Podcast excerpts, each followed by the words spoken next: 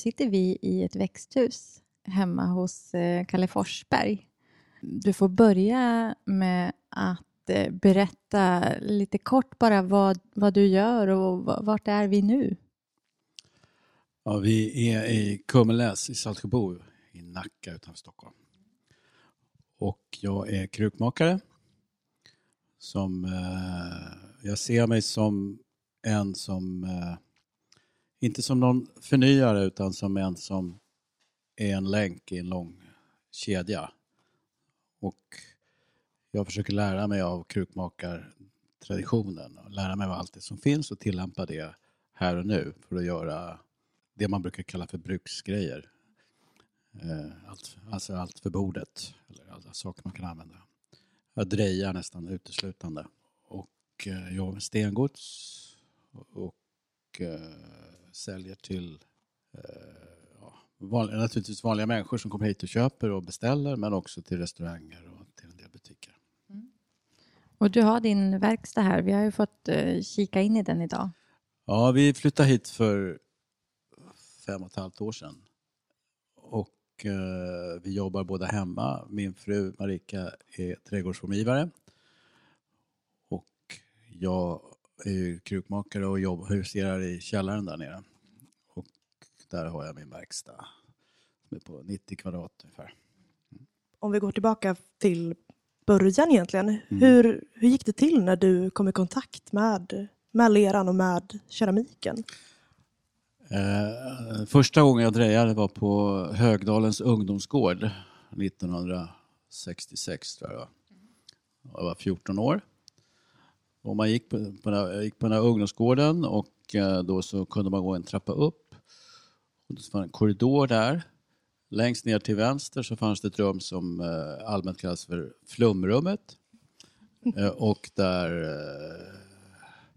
Ja, det, det säger ungefär vad som pågick i det där rummet. Men om man inte gick längst ner till vänster utan man gick in till höger i början av korridoren så fanns det en drejskiva och en liten ugn. Och, och det, det var jag nyfiken på. Jag hade också en, en uh, faster som jobbade med keramik som hette Herta Ilfon.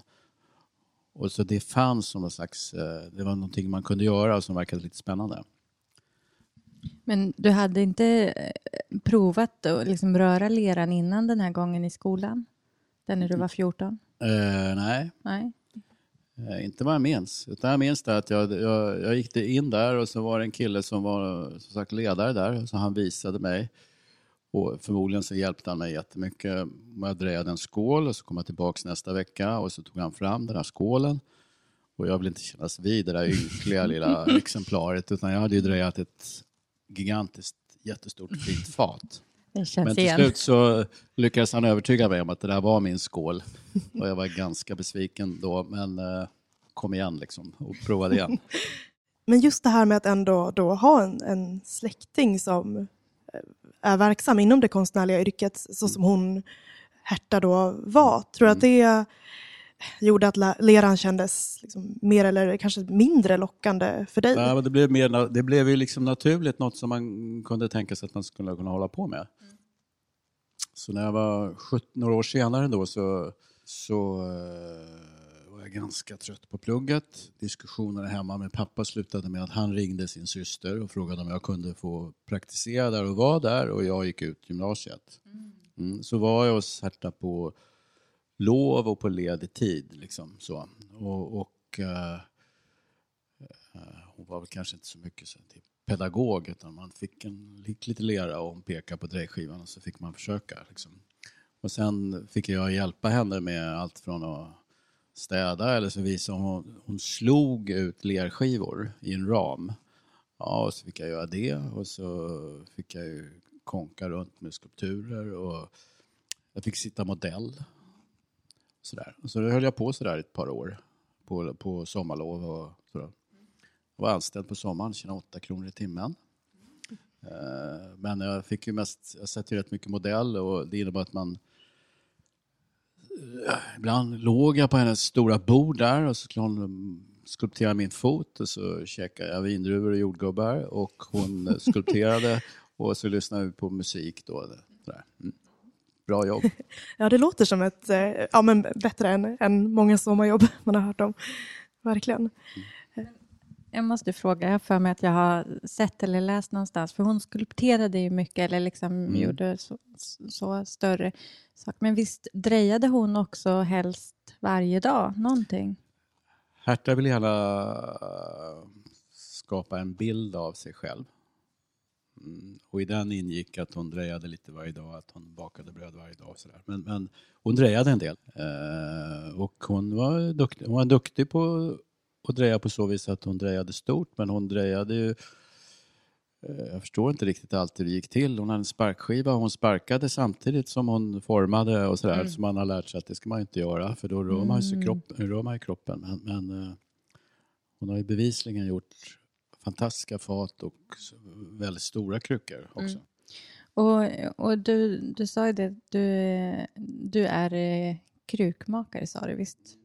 Och då förstår jag att då drejar du väldigt mycket istället varenda dag? Ja, Mm. alltså jag, när jag skulle börja hålla på lite själv där, då blev det ju, så skulle jag göra skulpturer och så blev det ju liksom bara urdåliga kopior av, av hennes grejer. Och det kändes inte sådär jättebra faktiskt. Så då började jag dreja mer. Jag jobbar väl precis tvärtom. Hon skulle ju aldrig göra två likadana skålar. Men jag drejar ju långa serier hela tiden. Eh, och jag finner ett, en slags ro i drejandet. Det är, att det är ganska meditativt. Och eh, ja, det, det, det liksom stillar en slags oro som jag har. Jag blir lugn av att dreja. Och eh, främst så är det ju, som du sa, det är brukskeramik som, Mm. som du ägnar dig åt. Mm. Eh, och du säljer ganska mycket till, till restauranger. Visst är Ja. det så? Mm. Ja. Det började... Först ut var en restaurang som hette Mistral som låg i Gamla stan och hade en stjärna i Guide Michelin. Och det höll jag på med några år och sen lade de ner och så var det tyst och så kom Volt och började beställa lite saker. Och så var det en dag på landet, vi hade anställd uppe i Hälsingland, så ringde telefonen på sommaren, så ringde telefonen och så var det en man som sa, ja hej, jag heter Melker Andersson. Jag driver en restaurang som heter F12. Åh, jag vet vem du är. Ja, ja. Och jag skulle beställa och så beställde han massa grejer. Och så gick det en timme och så ringer telefonen igen. Och då är det en annan man som säger, hej, jag heter Björn Franzén. Jag har en restaurang i Gamla stan. Ja, jo, jag vet vem du är. Vi skulle vilja eh, beställa grejer av dig. Ja, det går bra.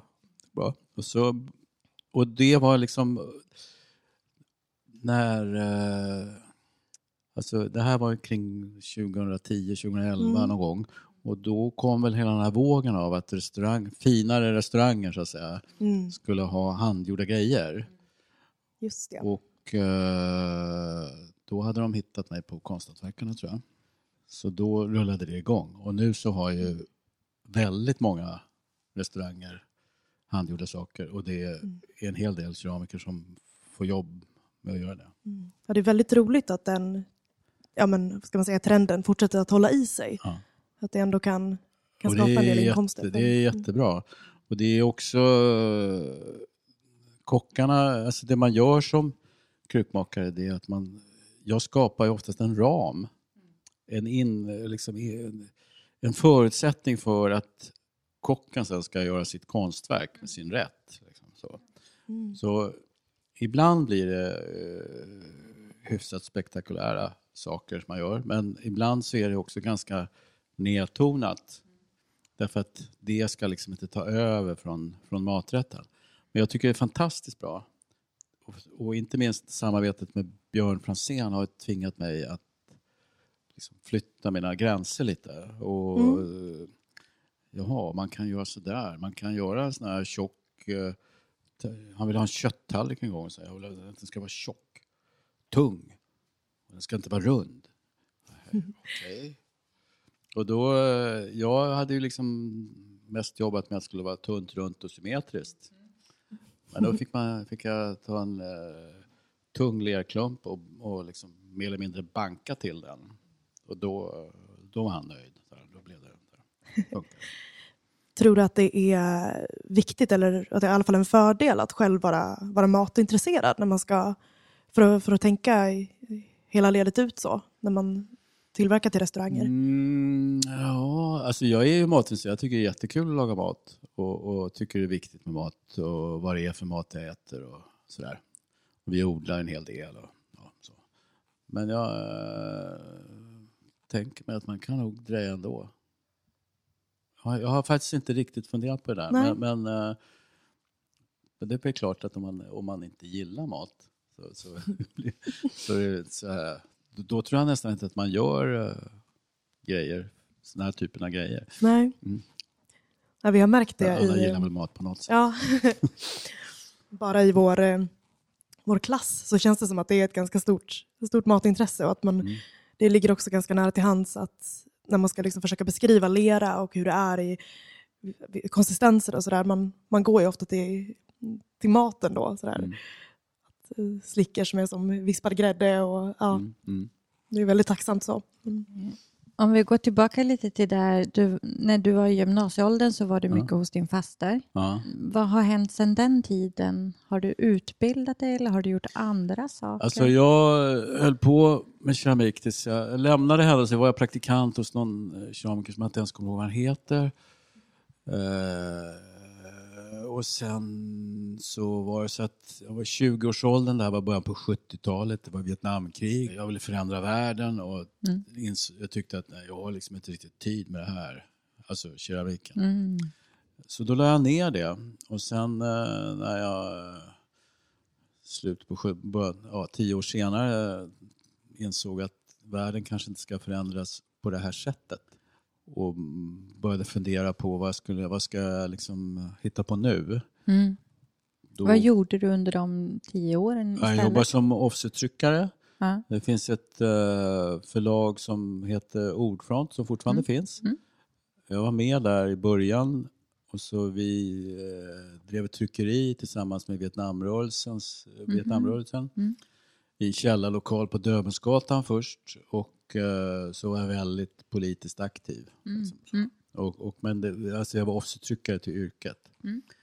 Eh, ja, så när illusionerna liksom föll så, så eh, köpte jag en drejskiva.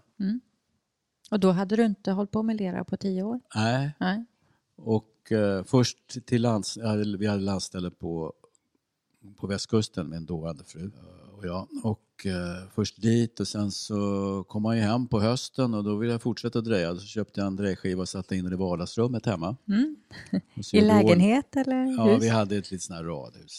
Litet radhus i Hagsätra. Mm. Och då eh, la jag en linoleummatta på golvet och under drejskivan satte jag en liten vaxduk på väggen. Mm. Och, så en, och hon tyckte det var helt okej, bara det var en sparkskiva så att den inte lät.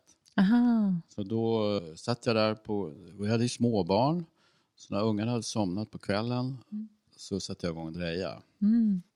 Och eh, jag, jag sökte, ja, sökte till lärarutbildning, började, jobba, började plugga till lärare, sökte till Konstfack, kom inte in. Och tänkte att eh, okej, jag fortsätter min lärarutbildning så får jag liksom, eh, jobba med keramiken vid sidan av. Mm. Eh, och så tänkte jag att det tar nog kanske 10-12 år. Och det, det gjorde det alla gånger. Mm. Eh, jobbade sen som lärare som deltid och så blev det mer och mer keramik. Och till slut så sa jag upp mig. Mm. Och jobbade bara med keramik, med lera. Var det någon vändpunkt där, någonting som hände som gjorde att du tog det Och det var några saker som var... Alltså till slut så lär man ju sig. Alltså det såg ju ganska förskräckligt ut i början, de här grejerna som jag gjorde. Eh, Alltså förskräckligt ut formmässigt? Dina... Ja, vad dåligt gjorda Dålig grejer. kvalitet tyckte, Ja, det, alltså, tycker du jag var inte, var, vad jag inte kunde, jag lärde mig själv. Det, Mm, mm. det fanns ingen YouTube, fanns Nej. ingenting att titta på. Det fanns några dåliga böcker på biblioteket Mm. med suddiga svartvita bilder och där de försökte förklara hur man drejade. Mm. Och jag kom inte ens på tanken att jag skulle gå en kurs. Utan jag satt bara där och, och försökte begripa vad jag höll på med. Men tyckte att det var fantastiskt kul. Mm. Så jag blev som förälskad. Riktigt förälskad. alltså. Så jag jobbade på. Och så småningom så började det efter tio år så började det väl se någorlunda ut. Mm. Och då kom jag in på designtorget med grejer. Där. Okej, då började jag, jag såg dina grejer på designtorget. Jaha, okej. Och sen så, jag gjorde, jag trädde skål, eh, teskålar. Och så en dag så kom det in en dam i verkstaden och sa, kan man inte få ett handtag? Ja, det kan få en henkel. Så satte jag på en henkel på den här skålen och så blev det ju det. Ja, den där koppen ser ju ganska bra ut. Och så började jag göra de där kopparna och de sålde ju väldigt bra. Ja, och då, och då tog jag med mig några sådana här koppar så gick jag till Norrgavel som då låg på Kungsgatan och var ganska nyöppnat. Så hade jag med mig tre koppar dit. Olika, alltså olika glasyrer och någon med lite dekor på. Sådär. Och då så stod, gick jag fram till damen bakom disken. Katarina Falk hette hon. Hon jobbade där då. Eh, och så tittade hon på dem och så, mm, mm, och så precis då kom eh, Nirvan Richter in genom dörren och så ropade hon på honom. Eh, Han hette Erik då. Så, Erik, kan du eh, komma och kolla? Och så kom han fram och så tittade han på dem och så sa ja, vi tar den och den men inte den. Okej. Ja, och så kan du leverera? Ja, jag kan komma in imorgon. Och så levererade jag de här kopparna. Och så ringde de efter en vecka och så sa de, har du fler koppar? Ja. Gör du några fler saker? Andra saker? Ja. Kan du visa det? Ja. Och så, sen dess har jag jobbat med Norrgavel. Och sen den tredje grejen som var viktig där, det var ju faktiskt att jag kom med i Konsthantverkarna. Och det betydde jättemycket. Jag som inte hade någon utbildning blev liksom, det är jurybedömd intagning. Och jag sökte säkert 10, 12, 15 gånger innan jag kom med. Eh, men till slut kom jag ju med. Och då, eh, det blev en slags godkännande så att säga. Och, och, eh, för folk frågar alltid, har du gått konstfack? Nej. Nej. Eh, men jag är med i Konsthantverkarna. Jaha. Då blir man plötsligt eh, eh, är liksom, ja okej, det, är- det här är okej. Här. Mm. Och ehm, det betyder väldigt mycket. Ja, det känns eh, väldigt roligt att få lite bredd sådär för oss att träffa både de som har gått den klassiska vägen med, med konstfack men även de som är självlärda och har byggt upp sin kunskapsbank på andra sätt. Och jag tänkte också på det här med, eh, med mästarutbildningen. För du har ju den, den titeln och var väl en av de första som, som fick den. det, den jag blev uppringd Ja. av, av Stefan Andersson. Eh, och han eh, sa att vi ska börja igen med mästarbrev till krukmakare. Och jag undrar om du skulle vara med i juryn. Och min första tanke var, vad ska man med sådana mästarbrev till? Men sen så tänkte jag efter och, och jag tycker faktiskt att det är, att det faktiskt är väldigt värdefullt. För att om man inte har en utbildning utan man har kanske gått som lärling eller man har tagit sig fram på andra sätt så kan man ändå så att säga visa att eh, det, alltså det blir som en slags examen eller en slags eh, legitimation på att man behärskar det man håller på med. Och det är jag intresserad av, att man ska liksom också kunna gå den vägen. Eh, så jag tackade ja. Så det är Stefan, jag och Nina Bergqvist på Formakademin som sitter i den juryn. Och eftersom vi skulle bedöma de här gesäll och mästarbreven så ja, då fanns det någon paragraf någon måste ju liksom bli eh, utse oss till mästare. Mm, så vi blev väl utsedda där enligt någon paragraf av bara farten att vi var mästare. Och vi blev de första på ganska många år. Det var Nina och jag först där och sen Stefan. För är det så att det har funnits tidigare i Sverige mästare inom... Ja, alltså mästarbrev går ju tillbaka på gamla skråväsendet egentligen. Från början så var ju mästare var det mästare i gesäll och ett, ett, ganska strikt lärlingssystem. Och det var ett sätt, å ena sidan, att eh, ge jobb till krukmakare. Man kunde inte vara hur många mästare som helst i en stad. Och, eh, och också ge, eh, och garantera en kvalitet för de som skulle köpa sakerna. Och eh, ett eh, utbildningssystem för att bli ja, krukmakare. Då. Så att det har ju funnits och det finns ju nedskrivet vad, man skulle krä, vad som krävdes för att bli mästare. Mm. Men jag tror, i menar, skråväsendet avskaffades ju på 1800-talet och eh, men det har ändå levt kvar det här med mästar och gesällbrev som en slags, eh, eh, ja, som en slags garanti för att den som har det här kan leverera en vara med en viss kvalitet. Hur, eh, hur skiljer det sig? Det här med gesällbrev, då gör Ja. man ett prov, eller hur? Om man Ja. ska ha hållit på Ja. ett antal år. Eh, det, man kan ansöka att göra gesällbrev efter motsvarande tre års arbete Mm. eh, på heltid. Och då genomför man ett prov. Sen har, nu är det här nytt och vi har ju då eh, eh, haft mycket diskussioner om eh, nivån på vad som är godkänt och inte godkänt och hur de här proven ska gå till. Och det håller väl fortfarande på att söka sin form lite. Mm. Så jag tror att det kommer att ske en del förändringar i de här bestämmelserna. Eh, om hur man, eh, eh, hur man blir gesäll och mästare. För när, när började, vilket år igen var den första som liksom fick gesällbrev? 2017 tror jag det var. 2017. Mm. Mm.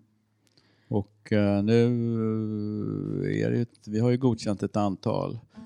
Och eh, jag tycker väl att det, vi har bra intressanta diskussioner. Alla blir inte jätteglada över beslutet om de inte får sig det, den, så att säga, det brev de har tänkt sig. Eh, och vi har väl kanske både varit eh, för snälla och för hårda ibland. Mm. Så. Men vi, vi hoppas söker oss fram till en form som ska, pa- som ska vara rättvis och bra. Ungefär eh, hur många av de som söker är det som då blir godkända? Vet du om det går att säga något sånt? Det kanske skiljer mycket från... Gång till gång, men- Eh, Sist så var det lite hårdare. Då var det faktiskt bara tre stycken som eh, sökte och då Mm. var det en som blev godkänd Mm. och två som inte. Annars, annars har eh, vissa andra år har det kanske varit tio som har sökt och Mm. åtta som har blivit godkända. Och sådär. Mm. Okej. Så det är Ja. lite olika. Mm.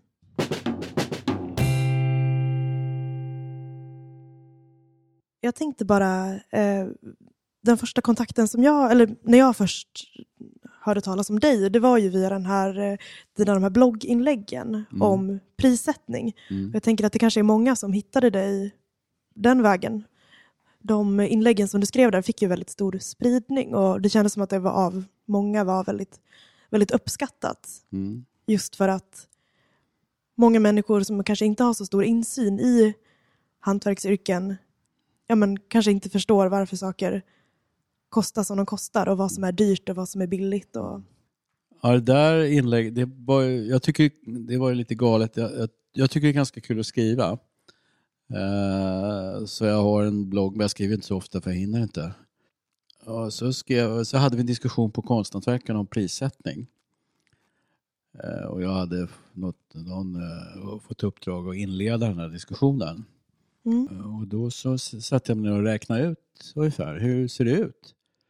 Och så tog jag fram ett snöre, så tog jag med ett snöre som jag klippte ner i, i smådelar. Liksom, så. Eh, och sen så gjorde jag om det där till ett blogginlägg. Och det är väl, eh, alltså, det, det är i huvudsak sant. Det är, alltså man kan, eh, det är inte bara moms ut, det är moms in. Och det, alltså det finns små detaljer i det där som man kan liksom, eh, kritisera. Men i princip ser det ut så att om Mm. jag säljer eh, en kopp till, som säljs i en butik så har jag kvar ungefär 30-35 kronor som jag kan handla för. Eh, och det är väl eh, ja, det är så det är. Då får man försöka det är jätte, man får försöka hitta olika vägar. Det är fantastiskt bra att synas i eh, bra butiker. Man får en scen Mm. och folk skulle inte känna till vad jag gör om de inte hade sett det på Norrgavel eller Svenskt Tenn eller Konsthantverkarna eller någon annan butik. För det är inte alla som hittar ut till Kummelnäs och har vägarna förbi här. Eh, och, eh, så det har, och det kostar att driva en butik. Jag Mm. förstår det. Så att butiken måste ha täckning för sina kostnader. Och sen så, jag är ju för ett samhälle där, eh, där eh, man kan, inte- de som är sjuka får sjukvård utan att de Mm. ska betala massa pengar för det. Och att någon, jag var glad att någon tog hand om gamla mamma sådär. Och eh, att mina barn har fått gå i skola utan att jag har fått betala massa pengar för det. Så att då måste man ju betala skatt. Och, och då är den bistra verkligheten att det ser ut ungefär så här. Eller det ser ut så här. Mm. Och, och då får man försöka inrätta sig efter det. Sen är det jättebra att försöka ha en försäljning, en direktförsäljning hemifrån där man får hela kakan. För då i princip så tjänar man tre gånger så mycket eh, som om man säljer genom en butik. Det är bra om man kan stå på flera ben. Men det där inlägget var, det var ju faktiskt helt galet. För det, när jag skriver där på, på eh, min lilla blogg så har jag väl ett par hundra eller läsare på sin höjd. Där. Och sen så skrev jag det där så postade, så la upp det där och så åkte vi på några dagars semester på Bornholm och så plötsligt så började det ringa i telefonen. Och så tittade jag på den här statistiken och var det 60 000 som hade läst det där inlägget. Och det delades liksom, eh, det fick en väldig fart via Facebook och sådär. Och jag fick eh, ja, en väldigt stor respons. Så, för jag tror att många som kände igen sig, vare sig de eh, tillverkar musikinstrument eller är fotografer eller håller på med keramik eller så, så är ju situationen ungefär likadan. Tycker du att det, tycker att det är svårt att sätta pris på dina föremål? Ja, Mm. det tycker jag. Alltså det är så nu, om, om jag säljer lite saker, eh, nu skickar jag iväg några saker till, eh, ja, till en kvinna häromdagen som hade beställt direkt från mig. Och så säger jag, oj då, hon ska betala 1940 kronor för de här fyra grejerna. Hoppsan. Liksom. Men samtidigt är det ju, eh, ja, jag har ju en lön som är lägre än en, en, eh, liksom, en än en eh, väldigt låg, lågt betald eh, butiksanställd eller anställd inom Mm. sjukvården. Och sånt där. Så att jag måste ju Mm. ta det Mm, priset. mm. Men det är svårt. jag tycker det är svårt. Mm. Ja, speciellt för min, den typ av grejer som jag gör. Eh, Du kan ju få en kopp på Ikea för 25 spänn. Mm. Så, och mina kostar 380. Mm. Då måste det vara så att folk tycker att det är de där 355, tre- vad blir det nu? Ja, 355 kronor skillnad. Mm. Att det är värt det. Mm. Fungerar det så när, när man är krukmakare, tar man hjälp av andra krukmakare för att eh, prata om pris och prissättning? Ja, ibland. Mm. Ibland jämför jag, alltså jag, jag har pratat en del med Jonas Lindholm som är i G-studion. Han är också med i Konsthantverkarna och vi gör bruksgrejer. Mm. Han jobbar lite annorlunda än vad jag gör. Alltså, och, och så. Men eh, vi har, vi har pratat lite grann med honom och pratat naturligtvis inom Konsthantverkarna. Så då, vad, vad, vad, vad ska saker och ting kosta? Mm. Men sen är det ju också så att det, det, det finns så mycket i det där med prissättning på hantverk och konst som, som är... Eh, det styrs av andra saker. Mm. Vi har en medlem i Konsthantverkarna som heter Gunilla Maria Åkesson som gör fantastiska cylindrar. Och hon var med eh, och blev nominerad till det här Löwe Craft Prize som är ett stort internationellt konsthantverkspris. Ja, nu kostar en cylinder 24 000.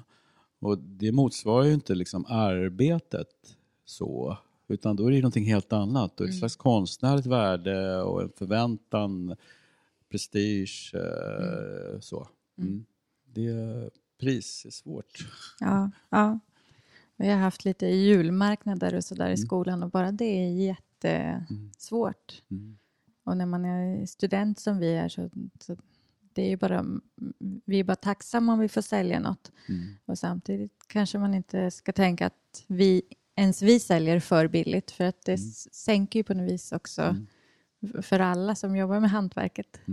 Man kan väl titta på vad andra tar. Eh, samtidigt är det så att det är svårt att, att, att gå ut högt. och sen sänka priset. Det är mycket lättare att gå åt andra hållet. Ja, precis. Och sen eh, är det väl så att man får eh, eh, fundera på vad man, vilket liv man ska leva. Om det är så att man ska producera och sälja saker eller om man ska jobba som lärare och göra andra saker och kanske göra lite keramik och sen sälja någonting ibland kanske. Och då, eh, om man inte blir beroende av sin försäljning, då kan man ju naturligtvis ta ett mycket högre pris. Men eh, jag har nog valt att, att eh, försöka att se på vad skulle jag kunna betala nu tjänar jag inte så mycket, men vad skulle jag kunna tänka mig att betala? Vad skulle, vad skulle jag tycka var rimligt att betala? Visst är det så att du håller lite, en, en del kurser, drejkurser, Ja. ja, och sen säljer du keramik. Ja. Är det någon annan verksamhet du sysslar med? Eh, Jag är ordförande för Konsthantverkarna. Mm. Och då får jag en liten lön för det. Hur mycket går det att säga hur, hur, hur mycket du drejar varje dag? Alltså jag brukar säga att jag drejar ungefär två timmar om dagen. Resten går åt till att... Alltså man drejar nytt. Så om man slår ut det på en vecka så säger jag att det är, liksom, är 20-25 procent av arbetstiden som går åt till att dreja. Ja, och sen ska man ju mm, alltså dreja nytt. Sen ska det ju beskickas och hänklas och brännas, sättas ugnar och glaseras och packa grejer och städa verkstaden och svara i telefon och svara på mail och lägga upp ett inlägg på Instagram och sådär. Så att det, det är väldigt mycket annat också. Som är att driva en verkstad, knåda lera. Ja. Alltså det är, är mycket, mycket, många, många andra saker. Ja, då går vi över på lite korta, snabba frågor. Finns det något verktyg som du liksom inte kan vara utan? Något så favoritverktyg som du har? Oj.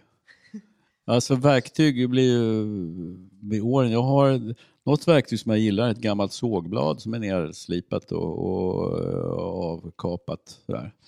Från en eh, järn, järnsåg. Eh, sen gillar jag mjuka, mjuka böjliga drejsken. Eh, drejskenet är jätteviktigt. Mm. Eh, och så måste man ha en svamp. Man. Vi var ju inne i din verkstad en liten stund och tittade bland annat på din tvättmaskin. Och lite apropå det, eh, vad, vad är det för kläder som du vill arbeta i och hur tänker du där? Eh, ja, jag har, min fru har ett trädgårdsföretag. Eh, så hon köper ju kläder till sina anställda. Och, så jag jobbar i de här arbetsbrallorna som hon köper. Från, det är väl från Fristads tror jag. Så har jag en T-tröja.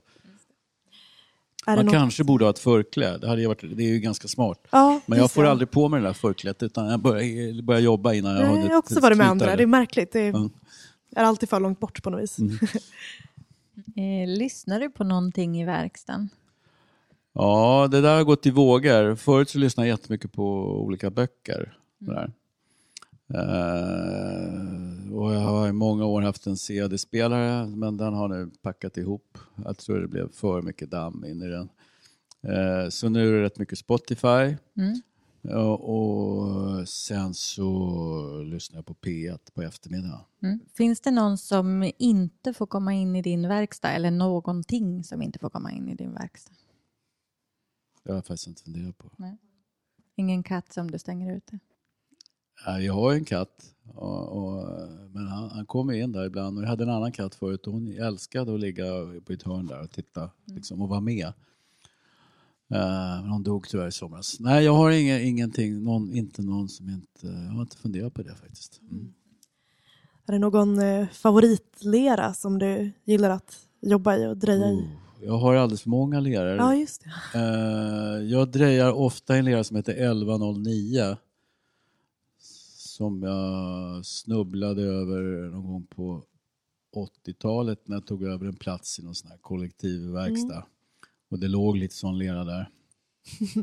och jag har använt den väldigt mycket där, för den är stadig, sand, den är lite sandig och väldigt stadig att dreja. Mm. Den ger lite prickar, eh, inte för mycket prickar. Eh, och eftersom jag inte dekorerar så mycket så kan det ge. Vis- Till vissa glasyrer är det snyggt. Mm. De på kurserna gillar den väldigt mycket för att den är så stabil. Mm. Men annars så har jag ju ja, jag har porslin och rörlera och fyrlera och röd stengodslera. Och, så här, det beror lite grann på vad det ska vara för uttryck på Mm. saken som jag gör. Just det. Mm. det är inte de vi, vi dricker ur, det är inte Det den? där är 1109. Ja, Ja, det är det. Mm. Ja, Mm. kanske vi får ta en bild på. Men, men eh, det här är inte det. Det är en vit, det är en vit kopp utan eh, prickar. Ja, det har smugit sig in. Det är väl någon återvunnen lera som har smugit sig in lite prickar i det. Men det är något... Jag, har faktiskt, eh, och nu är det slut med det, men jag har faktiskt eh, köpt lera från England för att hålla nere Mm. priset. För att det liksom var halva priset. Men Just det det. nu... Ja, får vi se hur det blir. Mm. Ja, just det. Är det någon glasyr sådär som du drömmer om att få till? Något du har sett eller? Ja. Alltså för... Först då var, när jag jobbade i Gustavsberg så var det ju eh, var det elektriska ugnar. Och sen så skulle man ha till en, en kollektion. Det fick inte vara för spretigt. Ja, så då blev det ju vitt, svart och grönt i stort sett. Som, Mm. det var en, en eh, vit, vit och svart glasyr som jag köpte. Det var en grön glasyr från Bernard Leach bok, A Portraits Mm. Book, som heter Copper Red. Därför att den blir röd när man i reduktionsbränning. Men så för ett antal år sedan så var jag uppe hos Frank Larsen i Hälsingland. Han eh, hade en vedugn uppe i Fågelsjö. Frank eh, krukmakare med Konsthantverkarna. Och eh, han brände väldigt mycket, eller han brände väldigt mycket eh, vedeldat. Mm. Och, och det var ju fantastiskt. att få, liksom, det blev ju en helt annan liksom, mening med eh, Ja. att göra grejer. Eh, och sen åkte jag på kurs hos David och Margaret Frith i Wales. Och det var också, det bara öppnades nya dörrar. Och, då, eh, och de hade också mycket reduktionsglasyrer. Så att det, jag jobbar mycket med det nu och tycker att det är väldigt roligt. Sen är det så att folk vill ha vita grejer. Mm. Men om jag får bestämma själv, då vill jag leka med de här reduktionsglasyrerna. Mm. Finns det något fält inom keramik, du var kanske inne på det nu, som du vill lära dig mer om? Eh, ja, absolut. Massor. Ja. Eh, det som jag håller på med nu är, är att bygga en vedugn i, uppe i vårt landställe i Hälsingland. Det, det- alltså när jag var 30 år och började om med keramik där i början på 80-talet så första jag gjorde var att försöka bygga en ugn på ett landställe på Rossö där på, i Bohuslän.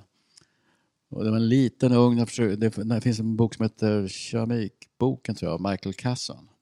Och där finns det en beskrivning av en liten ugn och jag försökte bygga den här ugnen och jag fick aldrig till det.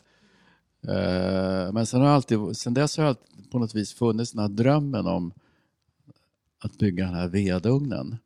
Och så har jag gjort, gått lite kurser och eh, gjort lite försök sådär. Men nu tänkte jag att jag skulle göra det på allvar. Jag fick massa sten av Boster Skullman eh, när han eh, la ner sin verksamhet och så flyttade jag upp den till Hälsingland och så håller jag på att bygga en Fast Fire Downdraft Olsen Kiln. och den, det, så det, det, det jag vill utveckla, det vill jag utveckla. Glasyr, väldigt mycket mer så. Mm. Dekor borde man kanske lära sig också. Men du blandar dina egna glasyrer eller är det? Ja, nästan alla. Mm, mm. Sen funderar vi lite på om du vill dela med dig av något tillfälle då det kanske inte har gått så bra. Om du har något sånt där riktigt keramikhaveri eller någon så katastrof i verkstaden eller något som har blivit Ja, superknasigt jag inför har ett riktigt haveri. Eller största, min största motgång var Ja. faktiskt att jag började jobba med porslin. Liksom, det här måste jag testa. Så plockade, tog jag fram lite grejer. och tyckte, oj, vad, vad, liksom, vad glasyrerna, de är verkligen, det verkligen lyser de här glasyrerna. Och jag var jättenöjd. Och som vanligt så är jag lite för ivrig, så jag liksom undersökte inte tillräckligt mycket utan jag satte snabbt ihop en kollektion. En frukostkollektion med tekopp, kaffekopp, eh, äh, assiett, eh, mjölkkanna och äggkoppar. Lite så.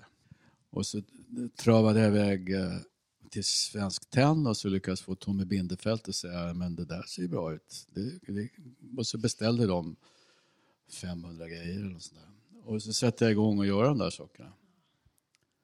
Om de där tekopparna slog så såg inte kloka ut. Det är liksom bara, de blev ju eh, i bästa fall ovala. Alltså det, de tappar ju formen totalt. Och jag vet inte varför de första kopparna blev så bra. Men sen när jag skulle sätta igång och göra det där, då sprack det. Alltså, eller, grejerna sprack inte, utan hela projektet sprack. Och det var ju eh, riktigt surt. Mm. Vad hände då? Kunde du få mer tid på det eller fick Nej, du... till slut var jag tvungen att ge upp. Ja. Alltså jag gav upp till slut. Mm. Man kan säkert lösa det där. och Man kan... Men det, är- det är nackdelen med att inte ha någon eh, så säga, grundutbildning. Mm. Mm. Det finns luck- jag har mina luckor. Mm. Jag kan ju fråga folk och så. Men eh, ja, nej, det där var lite surt. Vad lurigt att det gick eh, första gången när du tog fram den. Jag har gjort sådär förut en gång också. Jag hade två olika glasyrer. En på insidan och en på utsidan. Mm. Och så på en guldkant. Och så eh, sålde jag in de här kopparna på någon Formex-mässa och hade hur mycket beställningar som helst. Och sen när de kom ut i butiken så stod de och sprack. Eh, Benny Andersson hade tydligen köpt sex koppar i någon butik i Djursholm där som han kom tillbaks med efter en vecka i små delar. Oh. Och, sådär. och, och jag kunde ju höra när de stod i, i ugnen. Hela ugnen var full av koppar. Och så, alltså det hade, så ibland så kunde man liksom bara höra hur allting sprack. När man liksom stod utanför och lyssnade. Så då, det var också en... Men det där, att man måste undersöka innan man säljer in någonting. Måste undersöka att det funkar. Och inte bara rusa på. Mm. Bra, bra lärdom. Eh, vem eller vad det inspirerar dig i verkstaden? bra keramik. Men det, alltså jag, det, det, när, man började med, när jag började med lera i 30 det var ju all keramik. Bara det var gjort av lera så var det ju liksom fantastiskt. Och det trista med att så att säga, bli mer och mer kunnig det är att man blir också lite mer och mer kräsen. Men eh, det finns ju väldigt duktiga keramiker om man tittar på dem. Jag tycker Clive Bowen till exempel. Vi gör inte, jag jobbar inte med lergods. Han är ju fantastiskt duktig. Och han har ju också gått kurs för honom på Leksands folkhögskola. Det var ju otroligt bra, otroligt trevlig man. Och eh, det finns ju andra, Ken Matsusaki, eh, Annemette Hjortshöj, eh, ja, ett antal andra keramiker som jag tycker är kul att titta på. Nu kommer ju Lisa Hammond till, till seminariet tydligen. Och det ska, hon är ju väldigt duktig. Jag jobbar inte med saltglaserat men, men det ska bli kul. Mm. Vem tycker du att vi borde prata med i den här podden? Har du tips på någon? Nina Bergqvist. Ja, får se om det kan höras en höna här på inspelningen. Jo, jag tycker ni ska prata med Nina Bergqvist. Mm. Hon är en av Sveriges och världens duktigaste drejare. Och eh, otroligt skicklig. Åh. Ja, det måste vi kolla. Hon har, eh, var utbildad på Rörstrand. Eh, och jag tycker ni ska prata med henne. Ja, Var det hon som blev mästare samtidigt som dig? Ja. Ja. Mm. Så, då känner vi oss nöjda och vi vill bara tacka dig så mycket Kalle för att vi fick komma hit och sitta i ditt fina växthus och provdricka ur, ur kopparna också med den här eh, kända leran nu. Blev lite sugen på att själv skaffa den. Men verkligen stort tack för att du tog dig tid och för att vi fick komma hit. Tack för att du kom. Sluta med lite kackel.